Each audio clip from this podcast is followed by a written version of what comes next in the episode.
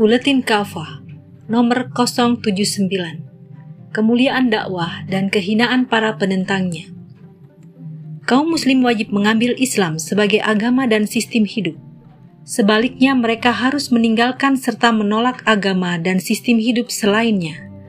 Allah Subhanahu wa taala berfirman, "Apakah selain agama Allah yang mereka cari? Padahal kepada Allah lah semua makhluk di langit dan di bumi menyerahkan diri." Baik sukarela ataupun terpaksa, dan hanya kepada dia mereka dikembalikan. Quran Surat Ali Imran ayat 83 Setiap muslim juga wajib mengambil semua yang Rasul Shallallahu Alaihi Wasallam bawa, sebagaimana firman Allah Subhanahu Wa Taala, apa saja yang dibawa oleh Rasul kepada kalian, terimalah. Apa yang dia larang atas kalian, tinggalkanlah. Bertakwalah kalian kepada Allah, Sungguh Allah amat keras hukumannya. Quran Surat Al-Hasyr ayat 7 Selain itu, kaum muslim wajib mendakwahkan Islam, sebab Allah subhanahu wa ta'ala memang telah memerintahkan kita untuk menyerukan Islam kepada seluruh umat manusia. Allah subhanahu wa ta'ala berfirman, Karena itu berdakwalah dan beristiqomahlah, sebagaimana diperintahkan kepada kamu serta janganlah kamu mengikuti hawa nafsu mereka.' Quran Surat Ashura ayat 15 Aktivitas mendakwahkan Islam merupakan jalan Rasul Shallallahu Alaihi Wasallam dan para pengikut beliau. Sebagaimana firman Allah, katakanlah, inilah jalanku. Aku dan orang-orang yang mengikutiku mengajak kalian kepada Allah dengan hujah yang nyata. Quran Surat Yusuf ayat 108 Allah Subhanahu wa Ta'ala pun menyifati aktivitas mendakwahkan Islam sebagai sebaik-baik ucapan. Siapakah yang lebih baik perkataannya daripada orang yang menyeru manusia kepada Allah? Quran Surat Fusilat ayat 33 Jadi jelas dan tegas, mendakwahkan Islam merupakan aktivitas mulia berdasarkan pernyataan langsung dari Allah yang Maha Mulia. Tentu yang dituntut adalah mendakwahkan Islam secara keseluruhan, meliputi akidah dan syariahnya, substansi dan formalitasnya, spiritual dan politiknya. Kaum muslim wajib merujuk pada semua hukum Allah Subhanahu wa taala dalam menyelesaikan segala persoalan mereka. Allah Subhanahu wa taala berfirman, "Demi Tuhanmu, mereka tidaklah beriman hingga mereka menjadikan kamu hakim atas perkara apa saja yang mereka perselisihkan. Kemudian mereka tidak merasa dalam hati mereka sesuatu keberatan atas putusan yang kamu berikan, dan mereka menerima dengan sepenuhnya. Quran Surat An-Nisa ayat 65 Sepeninggal Rasul Shallallahu Alaihi Wasallam, Upaya menjadikan beliau sebagai hakim tidak lain dengan menjadikan syariah yang beliau bawa sebagai pemutus dalam segala persoalan yang terjadi. Tentu hal ini menuntut kaum muslim untuk menerapkan syariah Islam dalam seluruh aspek kehidupan. Inilah yang menjadi bukti kesempurnaan dan kebenaran iman. Allah Subhanahu wa taala berfirman, "Jika kalian berlainan pendapat tentang sesuatu, kembalikanlah sesuatu itu kepada Allah." Al-Qur'an dan Rasulnya, As-Sunnah, jika kalian benar-benar mengimani Allah dan hari akhir. Quran Surat An-Nisa ayat 59 Berkaitan dengan ayat di atas, Imam Ibnu Katsir di dalam tafsir Al-Quran Al-Azim antara lain menjelaskan artinya berhukumlah kalian pada Al-Quran dan As-Sunnah dalam perkara apa saja yang kalian perselisihkan jika kalian mengimani Allah dan hari akhir. Ini menunjukkan bahwa siapa saja yang tidak berhukum dalam objek perselisihan pada Al-Quran dan As-Sunnah, tidak merujuk pada keduanya, bukanlah orang yang mengimani Allah dan hari akhir. Perintah agar kaum muslim berhukum pada hukum-hukum Allah subhanahu wa ta'ala atau syariah Islam bertebaran dalam Al-Quran, seperti dalam Quran Surat Al-Ma'idah ayat 48 dan 49, Quran Anis Surat An-Nisa ayat 59, 60 dan 65. Quran surat Al-Hasyr ayat 7. Surat Al-Azab ayat 36, An-Nur ayat 63 dan lain-lain. Kewajiban ini pun berlaku untuk seluruh manusia sejak Rasulullah Wasallam diutus hingga hari kiamat. Quran Surat Saba ayat 28 dan Al-A'raf ayat 158. Banyak kewajiban yang Allah Subhanahu wa taala perintahkan di dalam Al-Qur'an. Misalnya dalam perkara kepemimpinan, dalam perkara ibadah yang memerlukan peran penguasa, seperti pemungutan zakat, masalah ekonomi, jihad, hudud, dan jinayat, dan sebagainya. Penerapan hukum-hukum itu mengharuskan adanya penguasa sebagai pelaksananya, yang oleh Islam disebut imam atau khalifah. Juga mengharuskan adanya sistem pelaksanaannya yang disebut khilafah.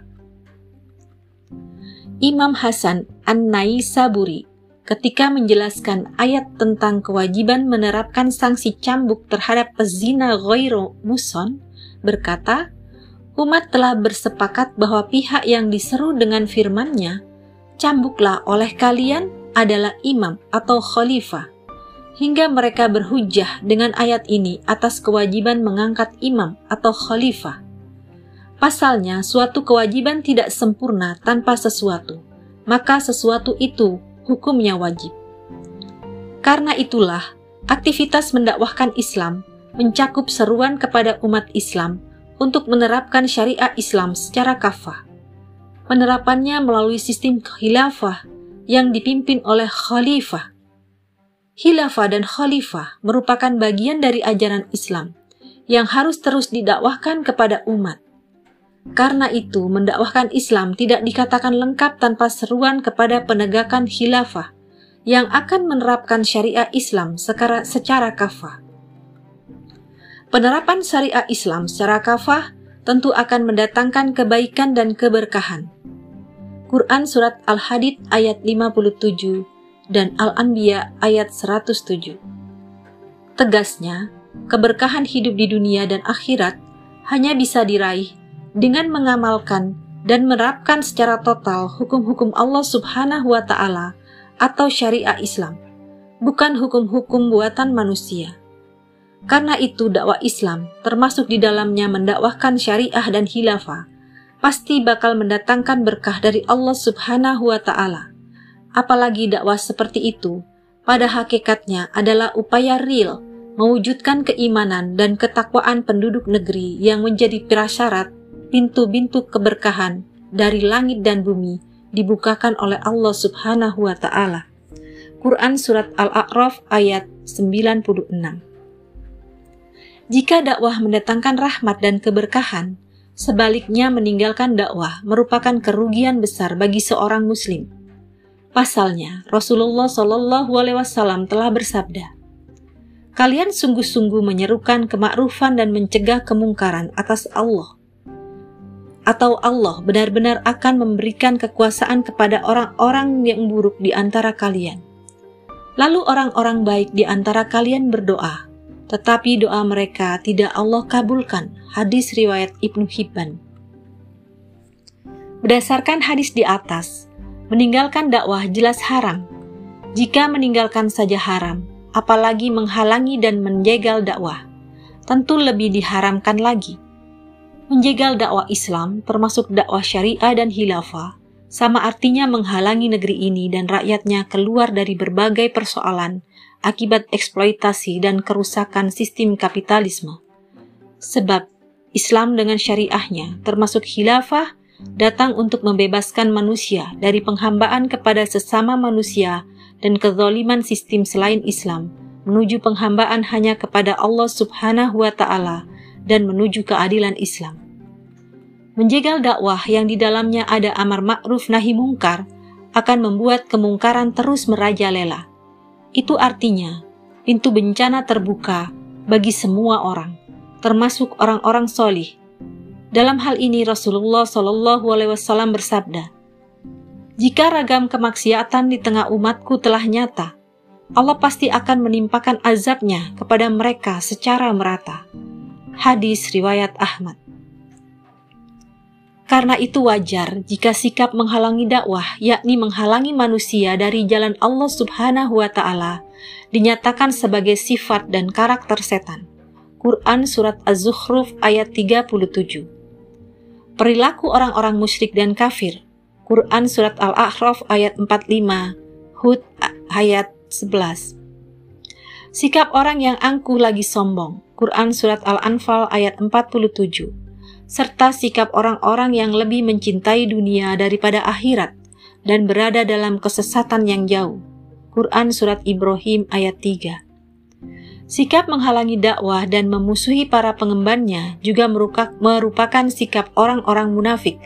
Quran Surat An-Nisa ayat 61 Jika saat ini ada pihak-pihak yang berusaha menghalangi dan menjegal dakwah Islam, syariah, dan khilafah, maka semestinya mereka belajar dari sejarah.